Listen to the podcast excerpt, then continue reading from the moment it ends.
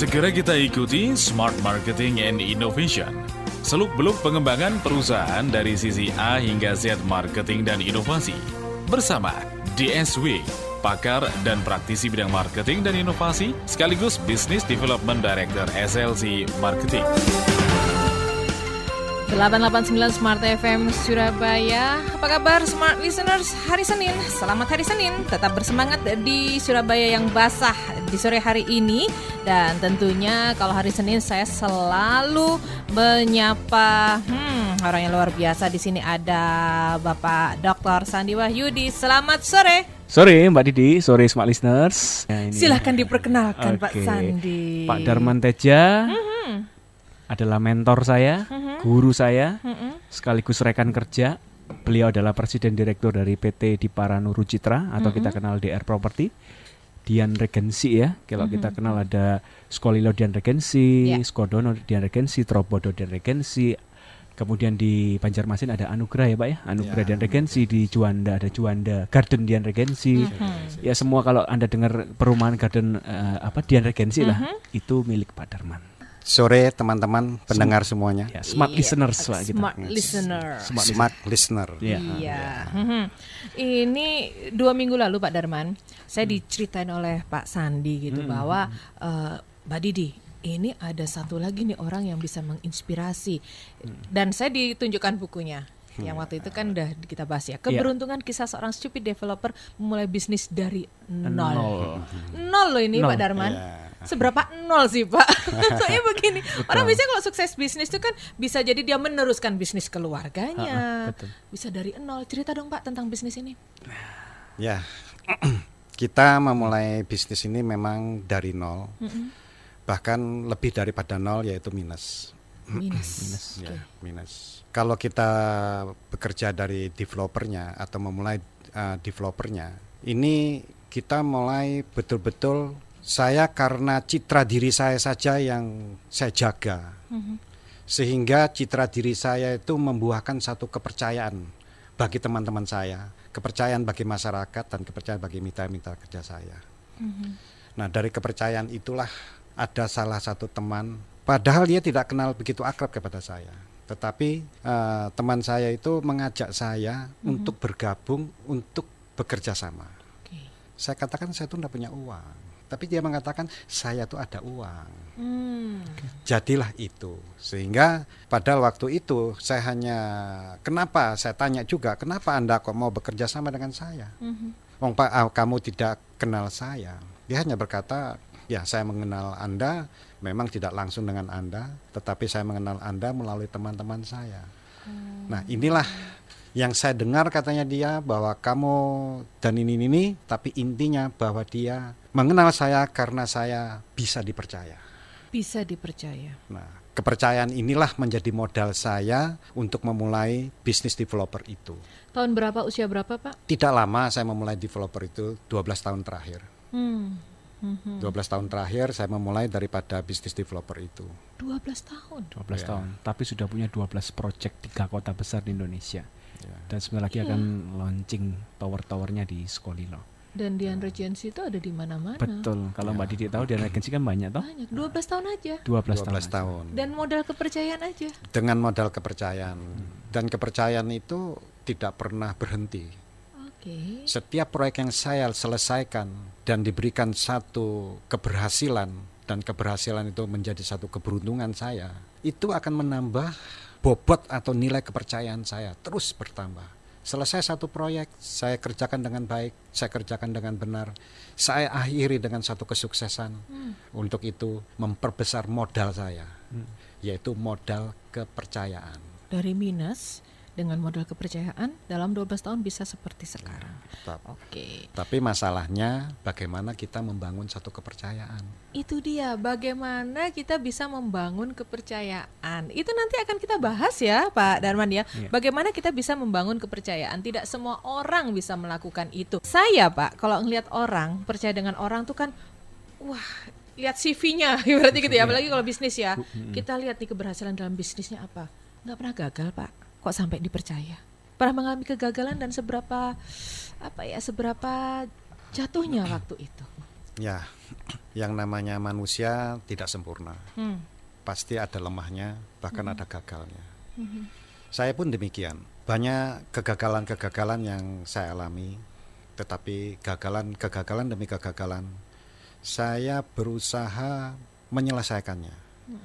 Kegagalan boleh gagal, tetapi satu yang selalu saya pertahankan yang tidak boleh gagal, yaitu atau yang tidak boleh saya korbankan dikala saya ke- mengalami kegagalan, yaitu kepercayaan. Duit boleh rugi, tapi kepercayaan tidak boleh hilang ya. tidak Pak, boleh ya? dikorbankan. dikorbankan. Makanya walaupun pernah gagal dipercaya terus sama orang karena gagalnya itu bukan karena berbohong atau menipu kan. Kredibilitas yang dipertahankan. Betul. Tapi Bapak tadi mengatakan titik baliknya itu tahun 2003 setelah akhirnya dipercaya untuk eh, menjadi developer. Sebelumnya jadi apa, Pak? Wah, ada telepon. Oke, halo, selamat sore. Eh, selamat sore. Dengan Ibu? Iya, ini dengan Ibu Ferry. Ibu Ferry. Iya. Eh, Silakan. selamat sore. Eh, saya mau tanya Mm-mm. eh, dengan Pak Darman dan Pak DSW ya. Selamat sore. Iya, sorry. Iya. Saya mau tanya, ini kalau saya ingin menjadi developer kecil-kecilan, tapi masalahnya kan eh, saya ini terbentur modal yang masih belum begitu besar ya. Mm, Gimana caranya yang baik gitu? mm, mm, mm, mm, mm. Mm-mm. Oke, ada lagi Bu Ferry? Eh, sementara itu dulu deh. Oke, baik. Ya. Makasih. Ya. Bu. Makasih Bu Ferry. Oke, sebelum kita menjawab ini, mungkin pertanyaan saya tadi sebel- 2003 sebelum akhirnya menjadi developer sebelumnya apa Pak? Saya sebagai kontraktor, Mm-mm. bahkan sebelum sebagai kontraktor itu kita juga menjadi seorang karyawan. Sempat jadi karyawan. Jadi karyawan selama 9 tahun setengah. Oke. Oke.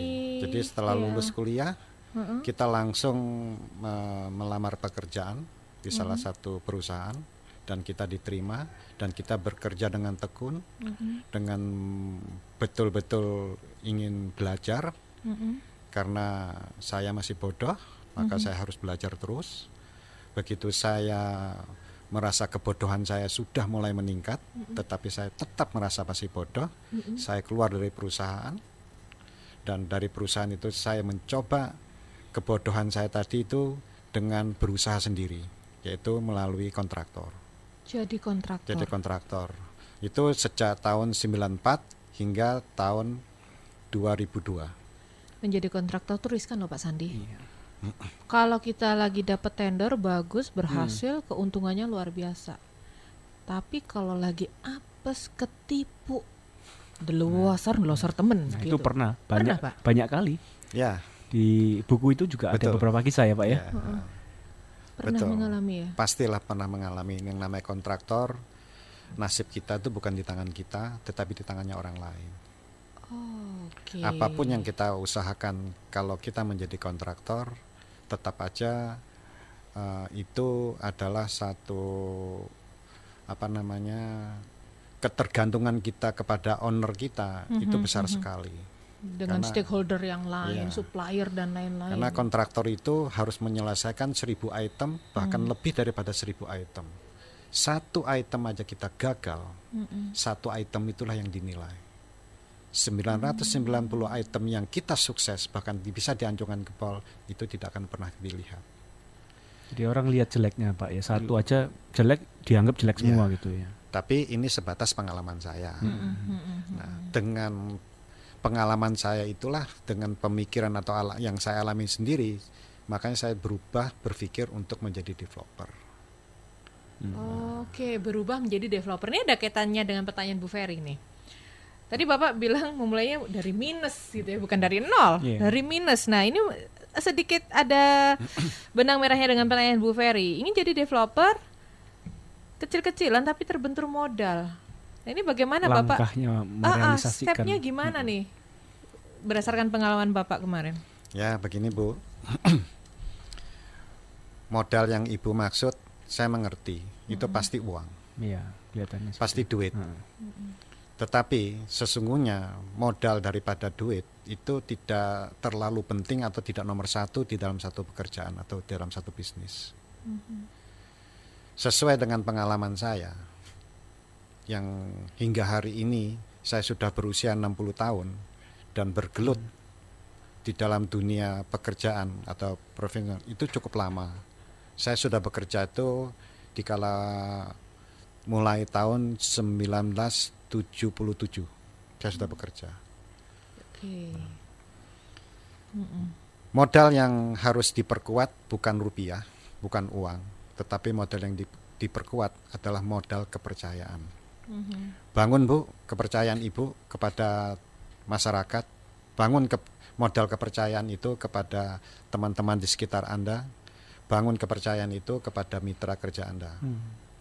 Dan kalau an, Ibu bisa membangun kepercayaan itu menjadikan modal yang besar dalam melangkah kehidupan berbisnis, eh, khususnya di developer, saya yakin banyak teman-teman yang mau mempercayai ibu, membantu ibu Hmm. dengan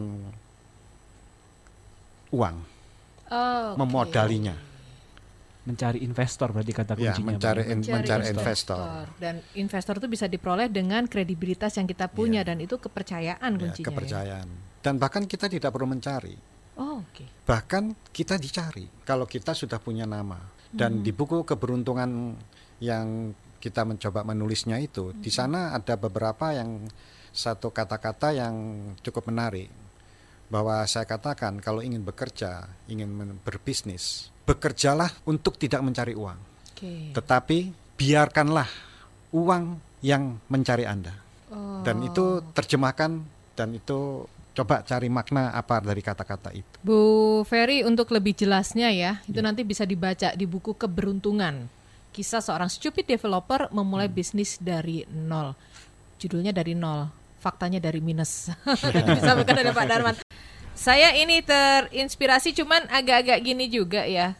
Namanya bisnis faktor luck memang perlu gitu. Tapi kenapa ini menjadi ka- kata-kata pertama dalam judul keberuntungan? Terus di caps lock lagi besar hurufnya kan. caps lock Fontnya gitu. paling gede ya. Makanya sejauh mana sih kita membutuhkan keberuntungan dalam bisnis atau keberuntungan seperti apa yang dimaksud dalam buku ini, Pak Darman? Kalau kita hidup Mhm. Dan juga bekerja, jadi hidup aja itu memerlukan satu keberuntungan, apalagi bekerja. Nah, di dalam bekerja at- atau hidup dan bekerja itu dibutuhkan satu kepandaian memang iya, dibutuhkan satu pengalaman memang iya. Jadi bahwa kepandaian itu penting, pengalaman itu penting, tetapi ada satu yang lebih penting, yaitu keberuntungan.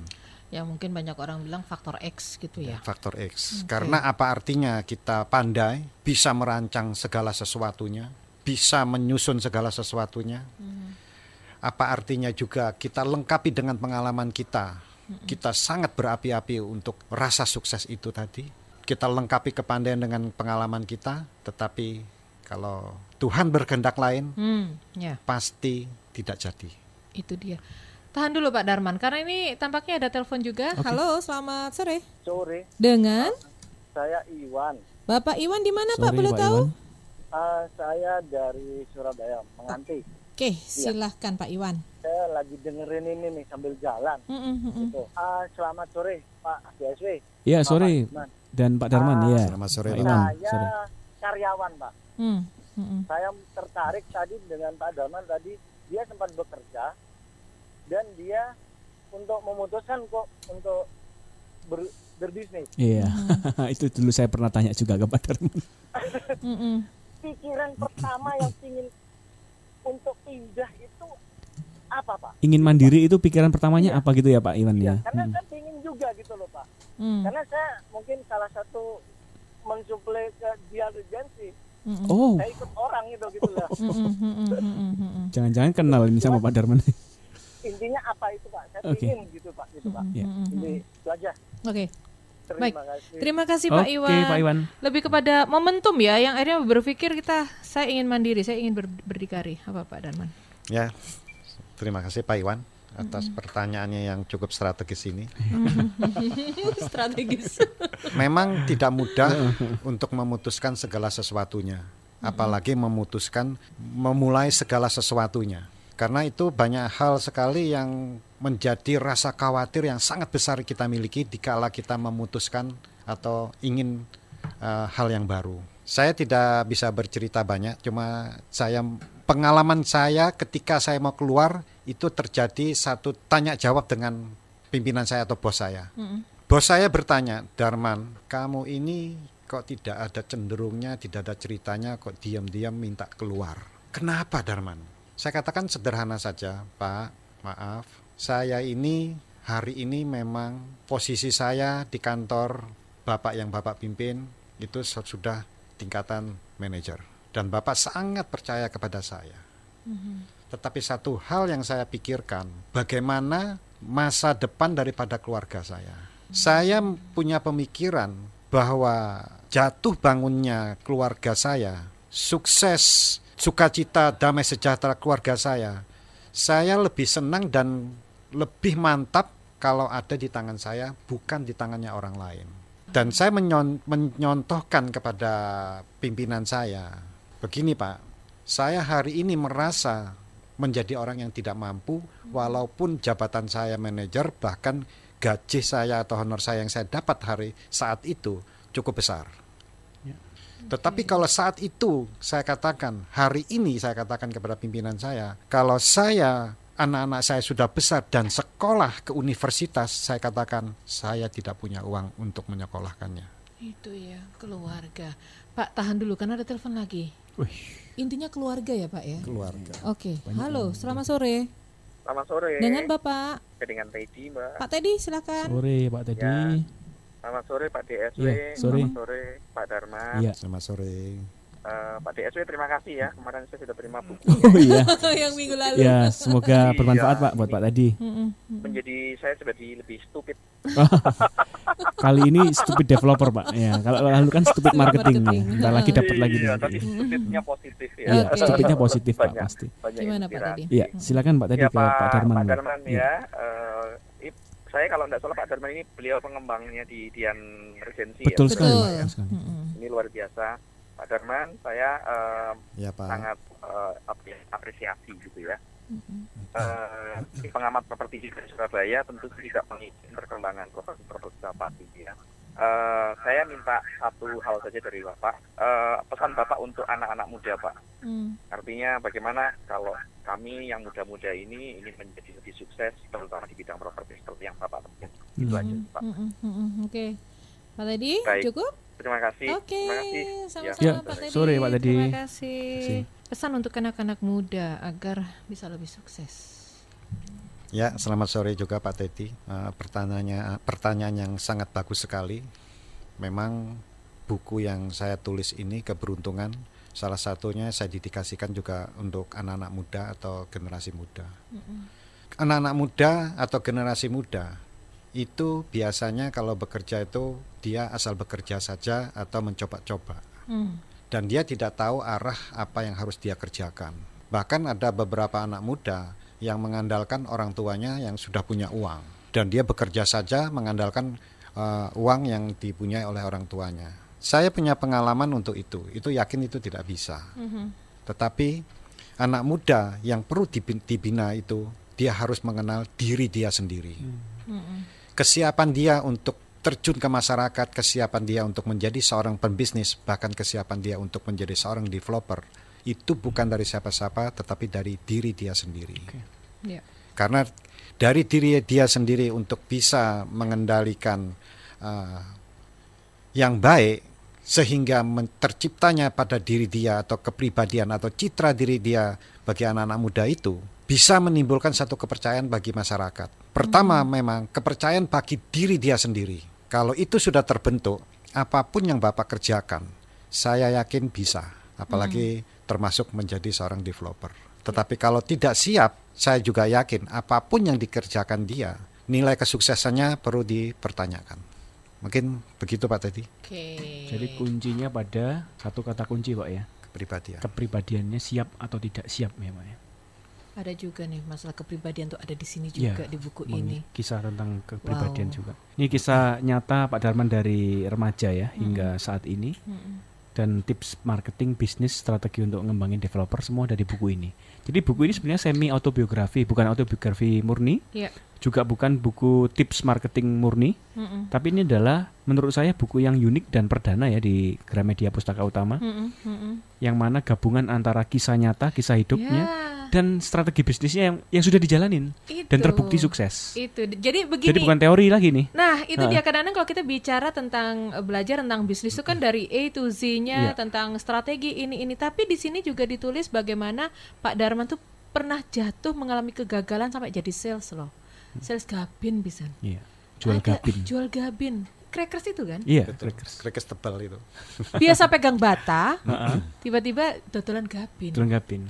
Itu ada di buku ini. Jadi Sa- paling enggak saking susahnya ya saking nyambung susahnya. hidup kan itu. Tapi bisa seperti sekarang loh, luar biasa. Hmm. Karena yang paling sulit itu orang bilang saat memulai Hmm. itu sulit. Tapi momentum yang lebih sulit lagi saat kita sudah memulai Jatuh. jatuh, Mau mulai lagi itu lebih mau berat. mulai lagi.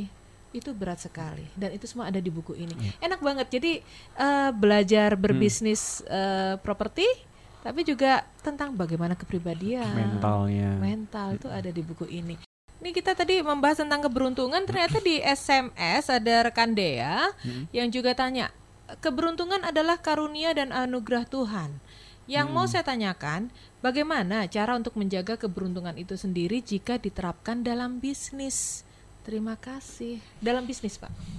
Ya, bisnis itu hanya satu pekerjaan atau perilaku yang tindakan dunia lah gitu ya.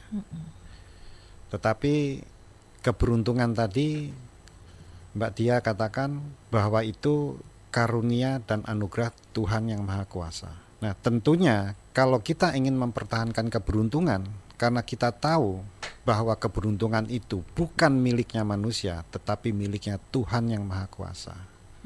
Sederhana saja. Kalau kita meminta sesuatu kepada orang yang kita minta mintain, tentunya kan kita harus berbaik-baik. Bahkan apa yang dia inginkan kita juga ngikutin. Kalau kita bisa mengikutin, mengerti kehendak Tuhan yang Maha Kuasa, Mm-mm.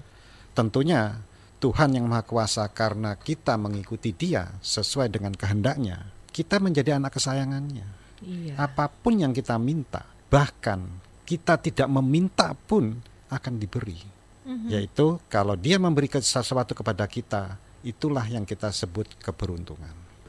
Ada satu keseimbangan. Antara spiritual dan bisnis. Yes. Dunia dan spiritual ini satu hal yang tidak bisa dipisahkan. Ya betul. Jangan kalau ditinggalkan spiritualitas itu. kalau kita sudah mengenal spiritual tadi dan mendalam, kita mengerti. Kalau kita sudah merasa kita sudah dekat dengan Tuhan, apa pun yang kita kerjakan, kita selalu bersama-sama dengan Tuhan.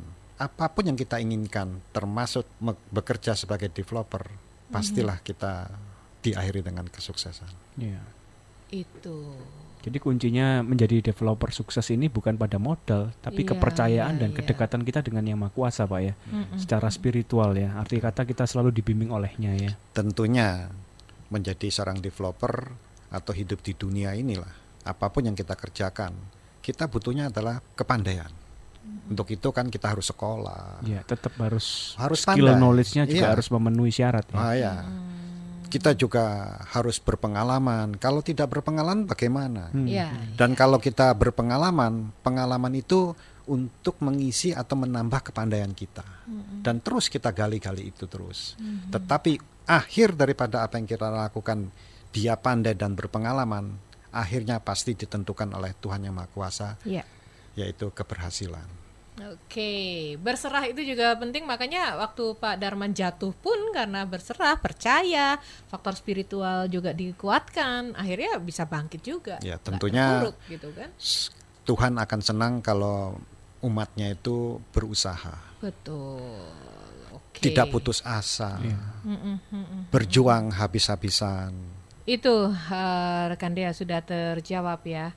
Ada lagi SMS dari Ibu Yati di Gresik. Selamat sore Smart FM, Mbak Didi, Bapak DSW, Pak Darman. Membangun mem- membangun, mempertahankan kepercayaan tidak mudah, apalagi dengan orang yang tidak kita kenal. Saya juga mempunyai rekanan kontraktor yang usahanya sekarang jatuh. Ini lebih ke pernyataan daripada pertanyaan. Nah, ini untuk ke orang lain nih, kita kan membangun kepercayaan kita gitu ya. Ini kalau ke orang lain gimana caranya Pak Dharma? Kita tidak bisa menilai atau memperlaku orang lain ya. Kita bisanya menilai diri kita sendiri atau melihat orang lain kita membandingkan dengan diri kita sendiri. Kalau memang orang lain itu memang teman dekat kita, kita hanya bisa bercerita diri kita yang kita alami kepada orang yang ingin kita tolong tadi. Kalau ingin membangkitkan dikala dia jatuh, dikala dia di bawah, itu belum tentu jatuhnya sakit. Kalau kita bisa menerjemahkan arti bangkrut lah kayak gitu, itu belum tentu jat, belum tentu sakit. Karena saya sendiri juga mengalami itu. Memang di saat kita jatuh kita rasanya sakit, tetapi kalau jatuh tadi kita tegar, kita berusaha, kita yang saya katakan tadi kita tetap mempertahankan namanya kepercayaan. Saya yakin kita akan bisa melewati masa-masa sulit itu. Hmm. Di kita dikala kita melewati masa-masa sulit itu sudah kita lewati, kita mencoba feedback ke belakang, mengenang dikala kita jatuh, sebetulnya itu bukan jatuh, tetapi kontrol saja diri kita kenapa kita bisa jatuh itu bukan karena siapa-siapa karena diri kita sendiri.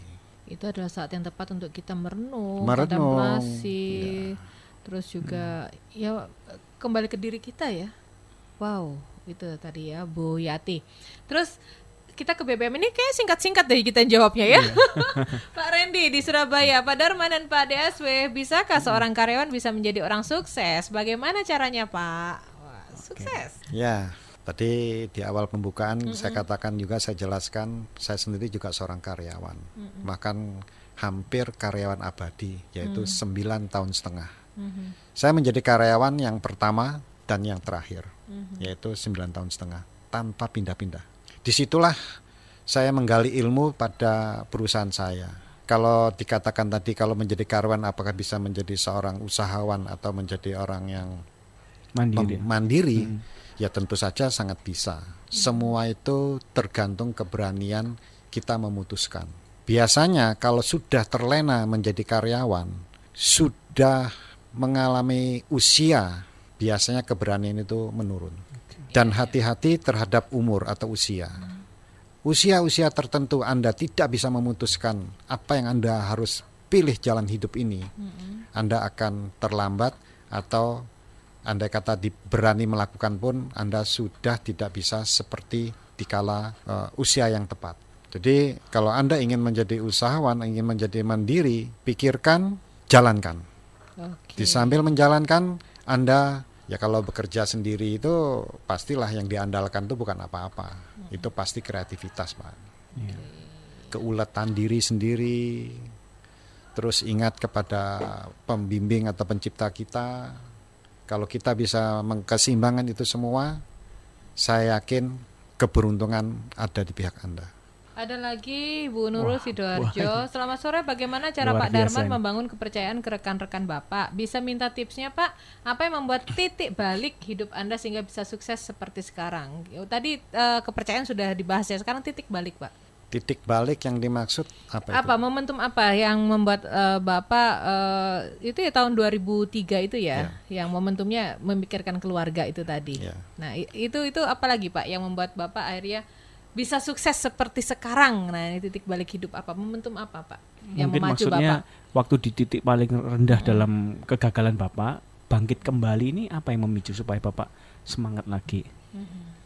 Mungkin kisah waktu itu Pak ya, tahun 98 itu ya. Ya semua kita jangan merasakan ketika kita jatuh, Pak. tetapi bagaimana dikala kita jatuh untuk bangkit. Jadi jangan merasakan rasa sakitnya, tapi bagaimana kita untuk bangkitnya. Nah di situ kita pasti akan akan akan berusaha untuk lepas daripada atau bangun daripada eh, jatuh itu dan Oke. timbullah satu kreativitas kreatif yang bermacam-macam ada di pikiran. Jalankan kreatif itu dengan sesungguh-sungguhnya, dengan hati yang setulus-tulusnya, dengan segala pengorbanan, tetapi yang tidak boleh dikorbankan yaitu kepercayaan. Oke. Ini fokusnya ke depan, lihatnya ke depan terus Pak ya. Ke depan terus, Depan, Jangan ya. lihat- kreativitas terus, Hmm. dan apa pun kejadiannya jangan mengorbankan kepercayaan. Mitra bisnis, jika Anda merasakan manfaat luar biasa dari seri Marketing Innovation Lesson ini dan ingin mendapatkan versi lengkap yang sudah disusun per judul berupa CD maupun podcast, Sedemikian bisa dipelajari lebih mendalam. Silakan kunjungi website kami di www.slcmarketinginc.com atau ke Shopee official store kami di SLC Marketing. Anda bisa mendapatkan harga spesial dari kami. Ikuti terus knowledge sharing dari kami. Saya DSW Dr. Sandi Wayudi, Presiden SLC Marketing Inc., founder of Connectpedia. Sukses untuk kita semua.